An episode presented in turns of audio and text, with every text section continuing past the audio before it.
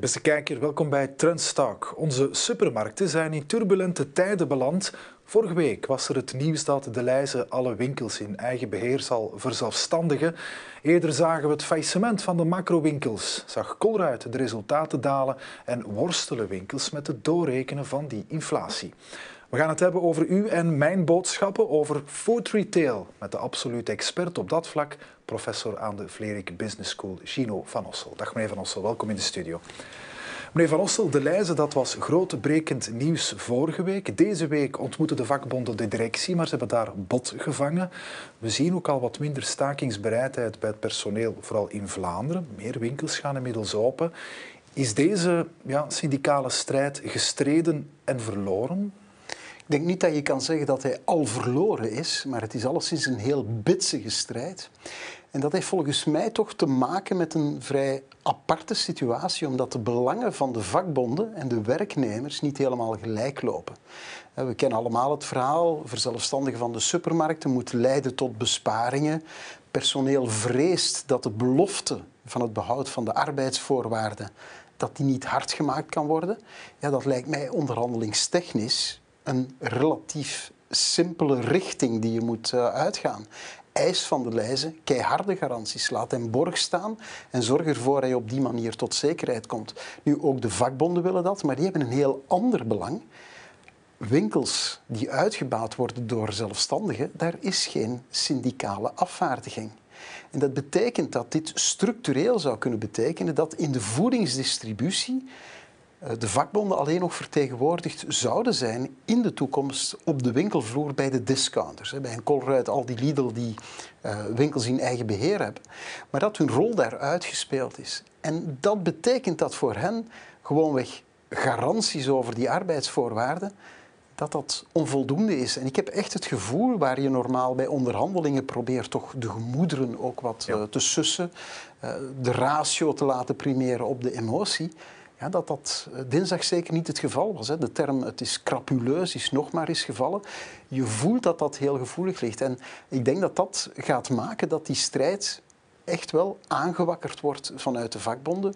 En dat misschien een aantal werknemers uh, veel sneller gaan bereid zijn om toch wel uh, te luisteren naar eventuele voorstellen van de lijzen zelf. Ja, want je kan dan zeggen, die uh, vakbondsdelegees die aan de piketten staan, de strijd wordt dan niet zo zuiver gevoerd. Het gaat ook een beetje over het voortbestaan van hun eigen businessmodel, over meer dan het lot van die werknemers. Ja, ik, ik ga ook niet zeggen dat dat bij iedereen op die manier echt speelt, maar dat zit toch wel in dit conflict ingebakken. En Tegelijkertijd hebben ze een heel vruchtbare bodem natuurlijk, omdat die werknemers heel begrijpelijk, heel emotioneel uh, reageren. En eigenlijk, daar moeten we eerlijk in zijn, toch ook wel niet zonder reden de verworven ja, rechten verdedigen. beslissing dus, geweest. Hè. We, en, ja, dus, Iedereen keek ervan op, hè. u ook, hè, van er ja, werd iets verwacht, maar iets van in één beweging, allemaal die winkels, dat was... Uh... Ja, maar we zijn meer dan een week verder. Ondertussen zijn ook die zelfstandige ondernemers aan het woord gekomen. Hebben we ook medewerkers van die ondernemers gezien. En dan wordt inderdaad bevestigd dat het daar niet zo slecht is. Het spanningsveld zit. Ja, je moet daar harder werken voor misschien iets minder geld. Maar dat is voor die mensen die overgaan wellicht iets wat je kan borgen met, met uh, heel goede afspraken. En dat is waar ik zou op inzetten. Bij de onderhandelingen moest ik vanuit de vakbond zijn, maar zoals ik net aangaf, de vakbonden hebben een ander belang. Zij willen dit kost wat kost uh, tegenhouden. Dus de uitdaging zal zijn de werknemers duidelijk te maken dat daar wel degelijk voor hen een goede toekomst kan inzitten. En dus de juiste prioriteiten te gaan stellen in die onderhandelingen. En zou het een uitputtingsslag kunnen worden? Want de bonden moeten natuurlijk ook degene die staken vergoeden. Een stakingsvergoeding, 40 euro per dag, dat tikt aan. Um, en de uh, zakken van de bonden zijn ook niet oneindig diep. Maar men zou gaan, gaan kunnen zeggen, ja, we gaan strategisch mikken op de dagen als zaterdag bijvoorbeeld, om dan te staken. Kan het zo scherp gespeeld worden? Dat kan heel zeker. Hè. Dat hebben ze afgelopen zaterdag gedaan. Hè. Er waren de eerste keer 100 winkels gesloten. Vandaag zijn het er maar uh, 83 die ja. dicht zijn. Maar ze hebben andere wapens die ze uh, proberen in te zetten. Hè. Dat is het uh, lamleggen van de distributiecentra. Ehm, je kan ook proberen met vliegende piketten voor de deuren van de zelfstandige uitbaters te gaan staan. Je wint daar niet veel sympathie mee, maar daar doe je het bedrijf pijn. Tegelijkertijd, uh, we praten hier niet over de lijzen, maar over Ahold te lijzen. die kunnen wel tegen een stootje. Er wordt ook heel veel geschermd met de verloren omzet. Maar de Coca-Cola die je vandaag niet verkocht hebt, die kan je morgen nog verkopen. Dus je moet eerder naar bruto marges kijken. En oké, er is wat vers uh, dat je hebt moeten vernietigen. Uh, maar je moet evenzeer kijken naar die werknemers. Voor hen is 40 euro per dag niet veel. Ja. En zij hebben al geen uh, erg riant inkomen. Ja, 20 dagen is 800 euro een maand. Met andere woorden, ik denk dat ook daar die stakingsbereidheid, dat die wel eens een keertje heel snel zou kunnen afkalven. Maar ja. het, is, het is een moeilijke context. Uh, meneer Van Ossel, we hebben het nu over de lijst. We gaan het straks ook hebben over, eh, over Colruyt, over die food retail, omdat daar heel veel verandert en veel beweegt. Maar dat is ook omdat ja, zeg maar, de tijden veranderen. Er zijn trends, megatrends zou je kunnen zeggen. Um, alleen al de manier waarop of voor wie we boodschappen doen. We doen boodschappen voor het gezin, maar die gezinnen veranderen. De voorbije decennia zijn er meer gezinnen bijgekomen, maar kleiner. We zijn weg van de kroostrijke gezinnen. Veel meer eenpersoonsgezinnen. 33 procent, één op de drie zijn alleenwoonde huishoudens. Als dat verandert, dan kan het niet anders dat die food retail mee verandert? Ja, dat klopt. Hè. Alleen het woord kroostrijkere gezinnen. Mijn kinderen kennen die term zelfs niet. Dat wijst op een bepaalde leeftijd. Net zoals het gezin als hoeksteen van de samenleving. Eh, vandaag zijn koppels met inwonende kinderen minder dan 30% van de gezinnen. En dat, zeker als de kinderen klein zijn, dat is het iconisch beeld van we gaan op vrijdagavond of late namiddag of op zaterdag winkelen, winkelkarretje vol vooruitkopen voor heel de week. Maar dat wordt dus de minderheid uh, in het gedrag. We zien dat die zaterdagen, die vrijdagen minder doorwegen in het kooppatroon. Want als je zonder kinderen leeft, zij omdat je er geen hebt, zij omdat ze de deur uit zijn, uh, of omdat je alleen woont, hè, alleenstaande is de grootste samenlevingsvorm, dan leef je op het ritme van de dag. Dan beslis je misschien in de loop van de namiddag wat je die avond gaat eten. Dan treedt die, die supermarkt ook in, concurrent met, in concurrentie met het thuisleveren van maaltijden. Ja. En het gevolg is dat je als uh, consument nu eigenlijk ruimere openingstijden wil, maar ook dat je minder bereid bent om ver te rijden ook minder bereid om ver te rijden voor die laagste prijs. Als je 10% uitspaart op een kassaticket van 100 eh, euro, ja, dat is 10 euro, dat is de moeite waard.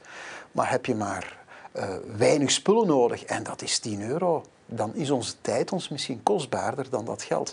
En die structurele verandering, dat is echt fundamenteel wat aan de, de verklaring ligt waarom we dat conflict nu hebben bij de lijzen, waarom Colruyt het moeilijker heeft enzovoort. Dat is een structurele ontwikkeling die al meer dan twintig jaar bezig is en die zich zal doorzetten. Het aantal alleenstaanden zal nog toenemen.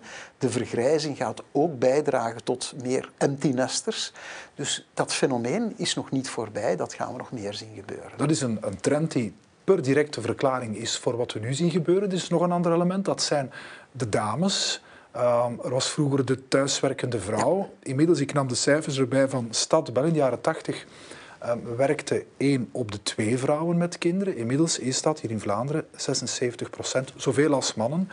Um, ja het is niet, allang niet meer dan die, eh, die, die thuiswerkende moeder die de manager is van, van, van het gezin en van het kooplijstje. Hè? Ja, dat is, dat is helemaal veranderd. En je moet ook de alleenstaande daar weer bij nemen. Er zijn iets meer alleenstaande vrouwen dan mannen, maar een alleenstaande man kan moeilijk zijn partner op pad sturen om boodschappen te doen. Uh, we zien inderdaad dat die verschuiving zich ook uh, voordoet. En uh, ja, dat maakt dat boodschappen doen minder belangrijk geworden is dan vroeger. Hè. Ik herinner mij nog mijn moeder. Dit is geen project meer, zoals je zei, die zaterdag nee, nee, nee, gaan we naar de winkel. Ja. We gaan een hele kooplijst afgaan. En... Ja, als, je, als je vroeger aan een huisvrouw de vraag stelde van wat is jouw rol in het gezin, dan was één van de taken het beheren van het uh, gezinsbudget. Uh, mijn echtgenoot brengt het geld binnen en ik moet zorgen dat we dat zo zuinig mogelijk kunnen uitgeven. En dan had je mensen die op een zaterdag naar twee verschillende supermarkten gingen. Uh, dat is gedaan. Wat je nu wel ziet is, oh, de ene keer trekken we misschien naar Aldi en Lidl en dan de andere keer naar Colruyt en dan weer naar uh, De Leize. Maar het is veel impulsiever, ook wat we gaan kopen. Vroeger had je een lijstje en het aantal mensen dat elke donderdag exact hetzelfde uh, warm eten had, dat was veel hoger dan vandaag. Vandaag is dat, we schrijven op, we hebben warm eten nodig voor drie dagen en op één van die drie dagen zijn de kinderen wel of niet thuis. En dan zien we wel wat in de winkel ligt en dat koop je daar. Hè. Dus het is helemaal veranderd. Hier nog een uh, bijvraagje. Meneer doet vaker de boodschappen, want de vrouw die is nu ook aan het managen in bedrijven. Ja. Uh, koopt meneer anders dan mevrouw? Um, eigenlijk gek genoeg uh, vooral als kinderen erbij zijn. Ja. Want hij, hij kan moeilijker nee zeggen. Dus als ja. de kinderen dan iets willen hebben. Daarnaast is het wel zo dat, dat mannen wel meer met uh, geschreven lijstjes werken. Omdat in heel veel gezinnen is het dan misschien wel zo dat meneer de boodschappen doet. Maar dat mevrouw nog meer bepaalt wat er gegeten wordt. En dan gaat hij meer strikt zijn lijstje afwerken voor zichzelf dan wel weer wat meer impulsief kopen. Maar het grootste verschil zit wel in de gezinssamenstelling. Ja. Gezinnen met vooral jonge kinderen, die hebben weinig tijd, dat moet efficiënt zijn. Dat is met het lijstje. En uh, dat wordt een steeds kleinere groep. Je zei het, we gaan niet meer per se met z'n allen op die vaste winkeldag naar die ene grote winkel. Er zijn meer winkels, kleinere winkels. Daar ging het ook vaak over de voorbije dagen als het ging over uh, de lijzen. Ik heb even de test gedaan voor mijn eigen uh, woonplaats. Ik kan een uh, kaartje tonen. Dat is in deze te midden van Zoersel. Dat is in de Antwerpse rand, eigenlijk net de Kempen. Um, dit is op een straal van 10 kilometer met de wagen. Dus niet in ja. vogelvlucht, maar 10 kilometer route. En ik heb, of ik geniet, 15 winkels. Groot en klein. Um, is dat veel, 15? Het is veel. Nu, een denkfout die vaak gemaakt wordt, is te kijken naar het aantal winkels. Ja. Minstens even belangrijk is het aantal vierkante meters. Ik durf er geen afstand op plakken. Het is meer dan 10 kilometer. Maar er zat een macro niet zo ver uh, van Zoersel. Die is uiteraard gesloten. Klopt, dus ja. wat je ziet is dat de grote winkels het steeds moeilijker hebben. Waarom zou ik naar een macro rijden als ik bij mij in de buurt een Colruyt heb die dezelfde prijzen hanteert. Als ik een decathlon in de buurt heb enzovoort. Dat geldt ook voor hypermarkten. En wat je dus ziet is dat er daardoor net meer kleinere winkels bij komen. Dat kunnen de hele kleintjes zijn, denk aan een Carrefour Express. Uh, maar dat kunnen ook de buurtsupermarkten zijn met de gradatie. De AD de Leijzen zijn er al veel langer, maar Proxy de Leijzen is nog een relatief uh, recente formule. En dat is nog kleiner. Dat is... Die zijn kleiner, die zitten er eigenlijk tussenin. Uh, de Leijzen zegt dat, en, en ze hebben meer, ze hebben ook toiletpapier. En ik ga nu zien of ik nog van buiten weet, maar ze hebben vier hoofdcategorieën. producten klaar om te eten, klaar om te koken, klaar om te smeren en klaar om op te warmen. Ja, ja, ja. dat is snelle boodschappen. Dus. Dat, is precies wat, wat ik, ja, dat is precies wat ik net uitlegde. En ik ben er zeker van als je die 15 winkels in Zoersel zou gaan bekijken. Er zijn er een aantal die er al heel lang zitten. Maar degenen die erbij gekomen zijn, zijn dominant kleinere. Maar daardoor stijgt dat aantal vierkante meters. En dus zelfs een Colruyt ervaart dat, dat er minder mensen zijn die bereid zijn om ver te rijden om geld te gaan uh, besparen. Gewoon omdat ze minder geld uitgeven per keer. En dus vandaar zijn er te veel winkels.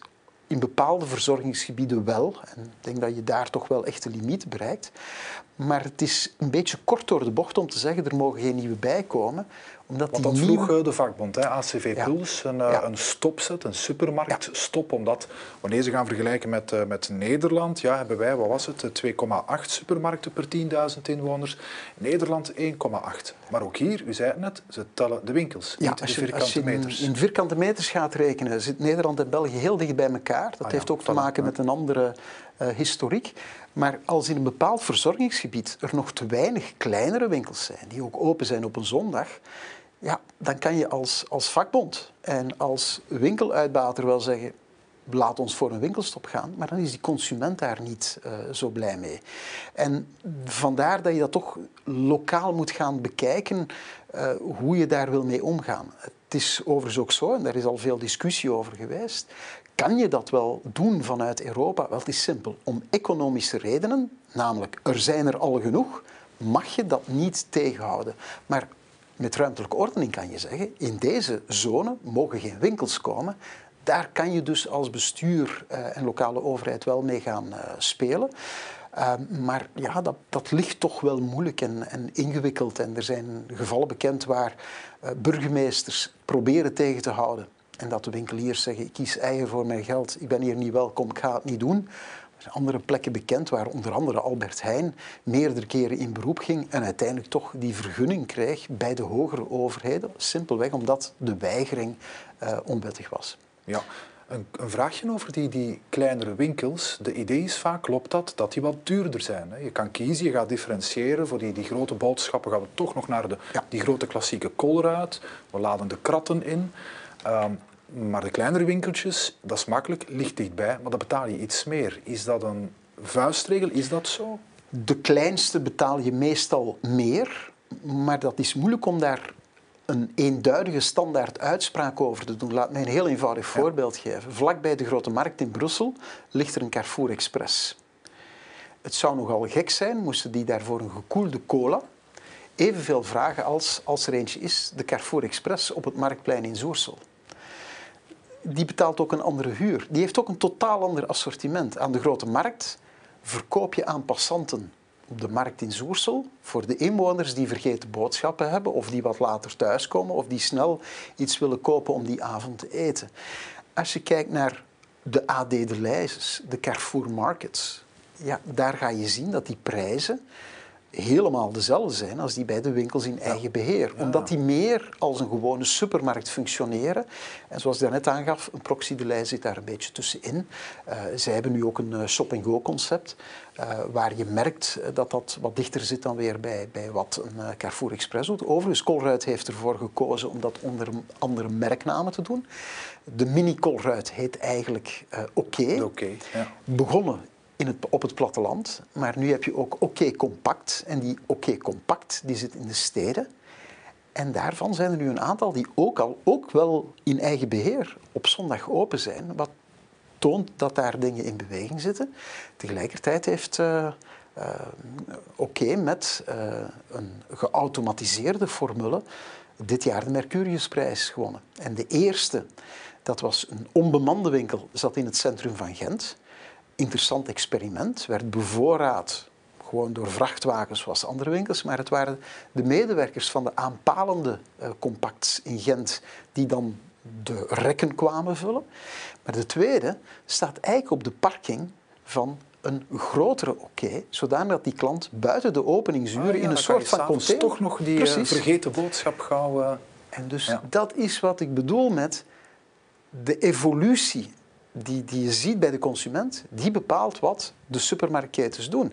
En als de lonen te hoog zijn om op zondag open te zijn, dan zal men het doen in onbemande winkels. Dit, dit is gewoon inspelen op de vraag van de consument. Mag ik een kleine uh, onvoorzichtige redenering opbouwen als, in mijn geval, historicus dan? Uh, mijn grootouders groeiden op in de tijd van de kruidenier, het buurtwinkeltje. Dan zijn er die jaren gekomen, 60, 70, 80, 90, de grote super- en hypermarkten. Dat was ook een shopping experience. Als, als, uh, in mijn gezin, in mijn kindertijd gingen we erheen als beleving bijna. En wat je nu krijgt zijn terug meer kleine winkeltjes, uitgebouwd door zelfstandigen. Keren we een beetje terug naar het model van vroeger. Je ziet weer een kleine winkel dichtbij met een zelfstandige. Ja, maar het is een andere kleine winkel. Ja. Het is een zelfbedieningswinkel met een volledig assortiment afgestemd op de behoefte van het verzorgingsgebied, waar nog allerlei andere winkels verdwenen zijn. Misschien is dat een postpunt, want het postkantoor is Klopt, ook weg. Ja. En is er geen slager meer in de gemeente, dan zal die Carrefour Express een uitgebreid vleesassortiment hebben. Maar is die slager er wel, dan zal dat beperkter zijn. En dus dat is nu het bijzondere. Vroeger gingen we er ook naartoe, want wie ging daar naartoe? Moeder die niet buitenshuis ging werken, die daar sociale contacten had, die daar een praatje kon slaan. Nu moet dat allemaal in zelfbediening. En liefst aan een zelfkassa, dat we snel binnen en buiten kunnen zijn, want het moet rap, rap, rap, rap gaan. Maar we zitten weer dichter inderdaad bij die consument met dat soort winkels. En het leuke is, het gaat vandaag van de hele grote naar de grote, de middelgrote, de kleinere tot de hele kleintjes. Dus het is een heel diffuus iets. Uh, wordt vaak gezegd, hè, die zelfstandige winkels zijn later open. Dat is maar beperkt het geval. Maar kijk naar de AD, de lijst is vaak open op zondag. Heel veel Carrefour markets ook. Maar vaak enkel in de voormiddag. De proxies die zijn meestal heel de dag open. Ja, en, en de kleinstjes, zeker en vaak met latere openingstijden. Dus dat is diffuus, maar dat is gewoon inspelen op de behoeften van de consument. Heel, uh, heel boeiend. Even naar de cijfers, want uh, ja, ook die winkels zien natuurlijk dat de inflatie aan de marges uh, knabbelt. We betalen als uh, consument 16% meer voor die gemiddelde winkelkar van testaankoop, vergeleken met februari spreek ik nu, vergeleken met februari 2022. Um, ja, dat zijn prijsstijgingen die we anders pas, op, pas op 10 jaar zien. Maar ehm, goed, ik las u weer, hè, we hebben erop gereageerd door, door wat minder te kopen, door meer huismerken te kopen. Maar ook interessant, we zijn ook anders gaan kopen. Wat bedoelt u juist? Ja, er zijn weinig mensen die echt 16% meer uitgeven in die supermarkt. Als je koekjes koopt in plaats van chocolade, ben je goedkoper af. Als je gewone tomaten koopt in plaats van biotomaten, ben je goedkoper af. Wie kip koopt in plaats van rundvlees, is goedkoper af. We zijn dat soort dingen gaan doen. We kopen veel meer in promotie en we kopen dus meer met korting dan anders.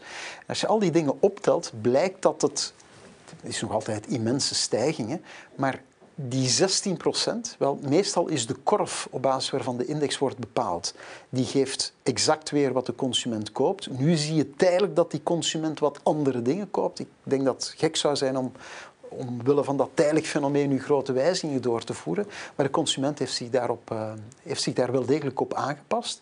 Tweede ding wat ik toch wil meegeven, die 16% is hoog, maar die is later gekomen dan velen hadden verwacht, omdat in het begin de supermarkten echt wel tegengas hebben gegeven bij de fabrikantenmerken en de leveranciers om die prijsstijgingen te aanvaarden.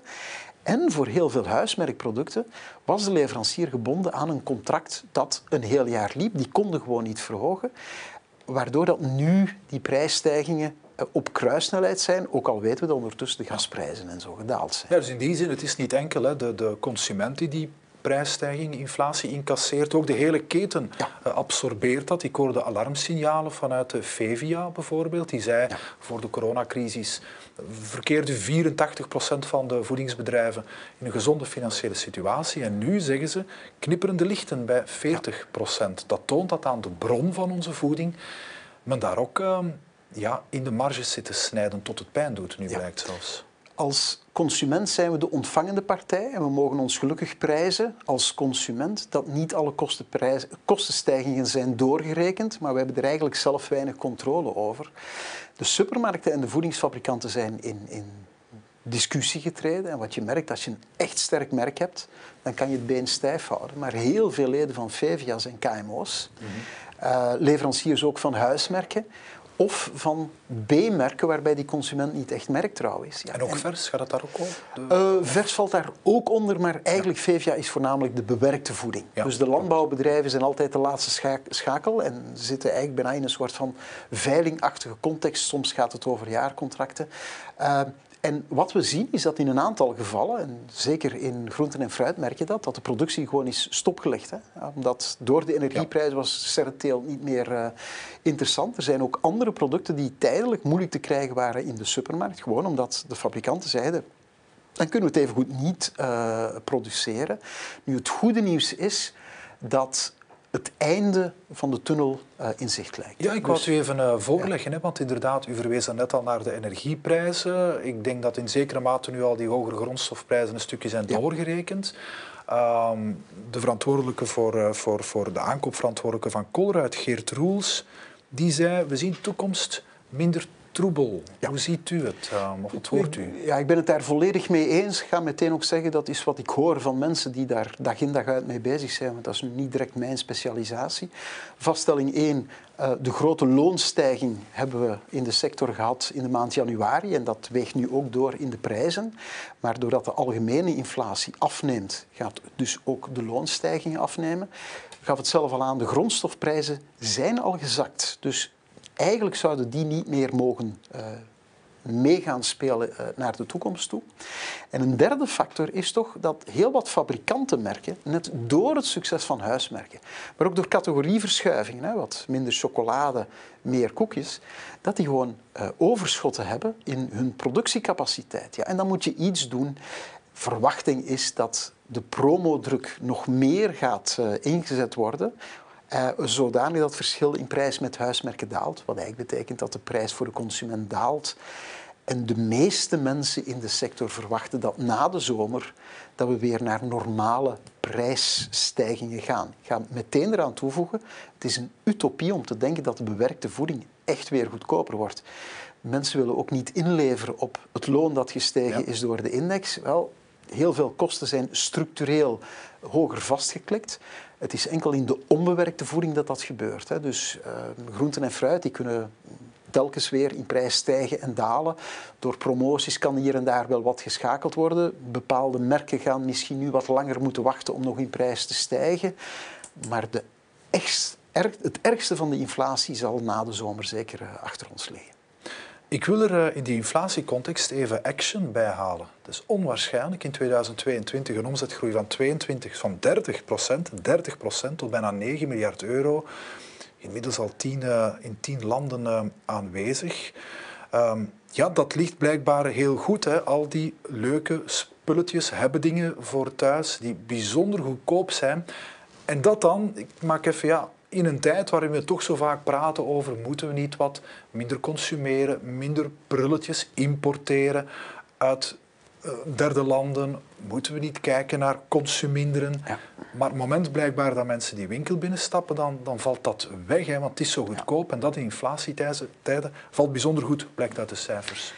Dus een, uh, iemand heeft ooit gezegd, hè, arme mensen hebben lage prijzen nodig en rijke mensen houden van lage prijzen. En dat is van alle tijden. Maar dus iedereen in, vindt het. Ja. In een periode van inflatie is dat nog meer het geval. Nu, om dat te linken aan duurzaamheid, um, weten we ondertussen vrij goed hoe die consument daarin staat. En heel ruw gezegd onderscheiden we drie segmenten. Er is een, een groep, en dat is ondertussen echt wel een minderheid, dat zijn de mensen die een beetje aan, aan, ontkenning doen van de klimaatopwarming. Of die zeggen, kijk, dat is mijn verantwoordelijkheid niet en de technologie zal het oplossen enzovoort. En dat zijn de mensen die met hun Dodge uh, rondrijden en die... Uh, het is, zij hebben er niks mee te maken. Aan de andere kant van het spectrum heb je wat we de donkergroene noemen. En in heel veel landen, en België is daar geen uitzondering op, we zien bijvoorbeeld groene partijen geraken niet boven de 10% uh, uh, kiezers. Daar heb je de echte fundis die daar vrij consequent in zijn en die zul je minder tegenkomen in zo'n action. Maar ondertussen is de meerderheid van de consument, dat is de lichtgroene. En die voelt zich echt verantwoordelijk voor de klimaatopwarming. En dat zijn de grootouders die mee betoogden, en dat zijn de jongeren, dat zijn de CEO's die ook de, de overheid hebben opgeroepen om actie te ondernemen. Dus wat doen we met z'n allen? Recycleren. Want dat kost niks. Dat zijn we allemaal een beetje. Hè, dat zijn wij, dat eigenlijk dat, de overgrote meerderheid ja. zit in die mindset. En wij rijden met een elektrische auto omdat het fiscaal interessant is. Maar als die meer kost, dan doen we het niet. Maar ik ben er zeker van als die elektrische auto evenveel zou kosten als een gewone, gaan ook andere mensen die overstap maken. Zover zijn we nog niet. En wat betekent dat natuurlijk? Dat je eigenlijk nog wil kunnen leven. En iedereen maakt daar zijn eigen keuzes in. We willen geen compromissen sluiten. Uiteraard is bio beter voor het milieu. Maar de meeste consumenten willen niet extra betalen. Dat was voor de inval in Oekraïne het al het geval. En dat is vandaag ook het geval. Maar als het dezelfde prijs is, dan doen we dat. Dus ik eet thuis wel eens veggie, maar in de brasserie toch die. Een goede stek bearnaise. Ja. Dus we zien dat mensen minder vlees eten, maar dat heeft niet alleen te maken met opwarming van de aarde, dat heeft ook te maken met gezondheid. Eenvoudig cijfer. Thuisverbruik rundvlees per hoofd van de bevolking is in Vlaanderen ongeveer evenveel gezakt als dat de consumptie van kip is toegenomen. Ah ja, ja, maar kip is gezonder. Dus je ziet er allerlei trends samenkomen en dat betekent dat de ene met de fiets gaat werken en misschien zelfs um, uh, over grotere afstanden, maar in de zomer dan toch met het vliegtuig op vakantie gaat.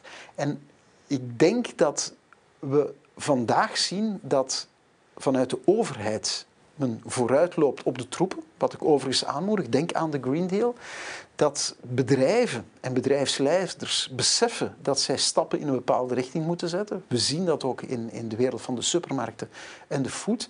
Van de bekendste voorbeeldjes, de blauwe schaaltjes voor de champignons, die zijn in de meeste supermarkten verdwenen. Ja. Dat is gewoon om het recycleren makkelijker te maken. We streven naar minder soorten plastic, zodanig dat het sorteren beter kan. En de soorten plastic die we gebruiken, moeten makkelijker 100% gerecycleerd kunnen worden. Een aantal grote retailers wereldwijd werkt daarop, zitten samen met de fabrikanten en die maken die keuzes. En de volgende fase gaat zijn, uh, wij hebben beslist als supermarkt dat we enkel nog die plastic soorten als verpakking gaan ontvangen. U hebt één jaar of twee jaar om zich aan te passen. En dus die, die, dat streven naar vergroening gebeurt veel sneller binnen de overheid, binnen de bedrijven, dan in het gedrag van de consument. Maar omdat de consument ervoor open staat, is hij bereid wel uh, die switch te maken. Hij beseft dat het nodig is. Die consument is uh, bewust, maakt ook duurzame overwegingen, uh, weet eigenlijk waar hij mee bezig is, maar kennelijk als die een Action, ik geef maar een voorbeeld, maar een Action binnenwandelt, ja, dan maakt hij met zichzelf een compromis van goed, ik mag me toch ook iets permitteren of, of wat, wat, gaat er dan? Ja, en ik ga, ik ga zelfs nog meer zeggen, hij, is zich, hij, weet wel dat het belangrijk is, maar hij kent daar eigenlijk niks van. Dus vandaar het succes van een eco-score die dat soort dingen weergeeft. En dus bij een action krijg je, waar ik mee begon, sommige mensen hebben de lage prijzen nodig, anderen houden ervan. Wat je dus merkt bij een action, heb je heel veel mensen die dat zien als een soort van grot van Alibaba waar ze misschien naartoe gaan gericht, want het kopieerpapier is op en dat is daar goedkoop. Maar als je daar bent, loop je rond. En de overgrote meerderheid van de producten kosten maar 1 euro. De andere grens zit op 5 euro. En boven de 20 euro, dat zijn artikelen waarvan de directie moet beslissen dat dat mag. Omdat die winkel draait op impulsen. Je ziet iets, je vindt het oh, toch wel leuk. Ja, voor dat geld kan je het niet laten liggen. Hè? En dan is duurzaamheid plots toch wel wat minder belangrijk. Het zijn ook allemaal oeroude reflexen. Ehm, ik wil met u even doorsteken nog naar Colruyt. Um, wel het aandeel er even bij. Sinds uh, Colruyt op de beurs zit, uh, sinds uh, begin jaren 2000, als we kijken naar de recente periode, het voorbije jaar, is dat aandeel gehalveerd van 40 naar 20 euro. Staat zelfs 70% lager dan die fameuze piekkoers uit 2019. Goed, maar uh, waar zit dat bedrijf nu in? Want macro-economisch en bedrijfsmatig lijkt alles wat tegen te zitten. Ja, ik denk als je naar de beurs kijkt, dit is een, ik kan niet zeggen een overreactie, maar het is een correctie op een aandeel dat te duur begon te noteren. Ja. Dus het was eigenlijk een duur aandeel. Maar wij krijgen dat is een goede huisvaderaandeel. Dat jarenlang, decennia lang, maar één richting kende in marktaandeel, in omzet en dat was omhoog. Het is niet zo gek lang geleden, 10, 15 jaar geleden, waren zij een van de meest rendabele uh, food retailers van Europa. Als je ging kijken naar uh, wat er netto onder de streep overbleef. Dat is indrukwekkend. Alleen, de hele markt is veranderd en dus de voorbije tien jaar is die motor beetje bij beetje gaan sputteren. En wanneer je dan een paar keer slecht nieuws moet communiceren, krijg je een paar tikken. En wanneer je de laatste keer dan moet zeggen van... God, uh, wij hebben marktaandeel verloren. Dat was al sinds begin jaren tachtig niet meer gebeurd. En de marges zijn flinterdun.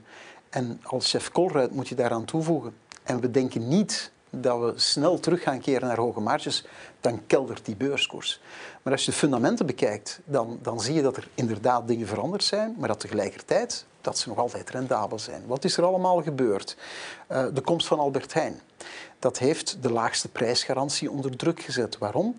Alle andere supermarkten kopen in in België en wentelen uh, eventuele kortingen tijdens promoties integraal af op die merkartikelfabrikanten. Maar Albert Heijn koopt in in Nederland en die trekken zich van dat Belgische spel niks aan.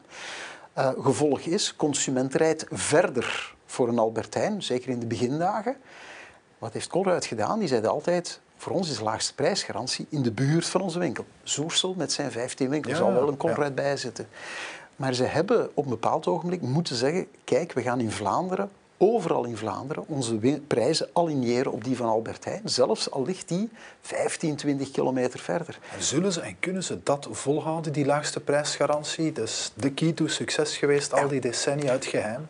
Uh, ik denk dat als ze het moeten opgeven, dat ze een echt heel groot probleem hebben. Ja. Dus ik denk dat het intrinsiek wel kan, omdat de anderen willen ook geld verdienen.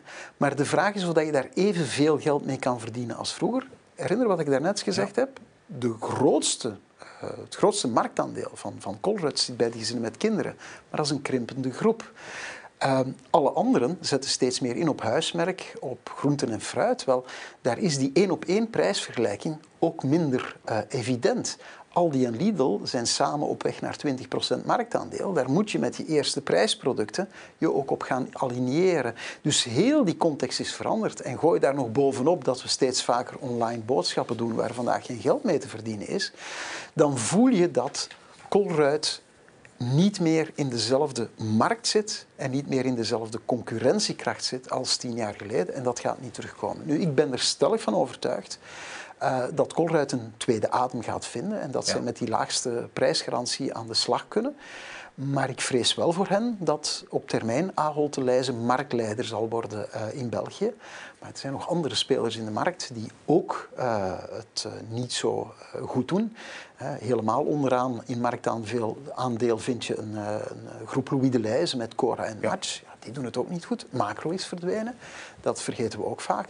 En uh, het oude GB en later Carrefour is qua marktaandeel van ruim boven de 30 procent, zit ondertussen onder de 20 door het afstoten van de mestdagwinkels. Dus het is een speelveld dat in beweging is en waar heel veel mensen altijd kijken naar wat er vandaag gebeurt. Ik kijk graag naar een tijdshorizon van 20 jaar en dan zie je structureel dingen bewegen, zoals het discount-segment is van 1980, iets voor 80, gegroeid van een dikke 10% nu naar meer dan 40%. Aldi is in 88, denk ik, uh, sorry, in 78 in België toegekomen, Lidl nog veel later.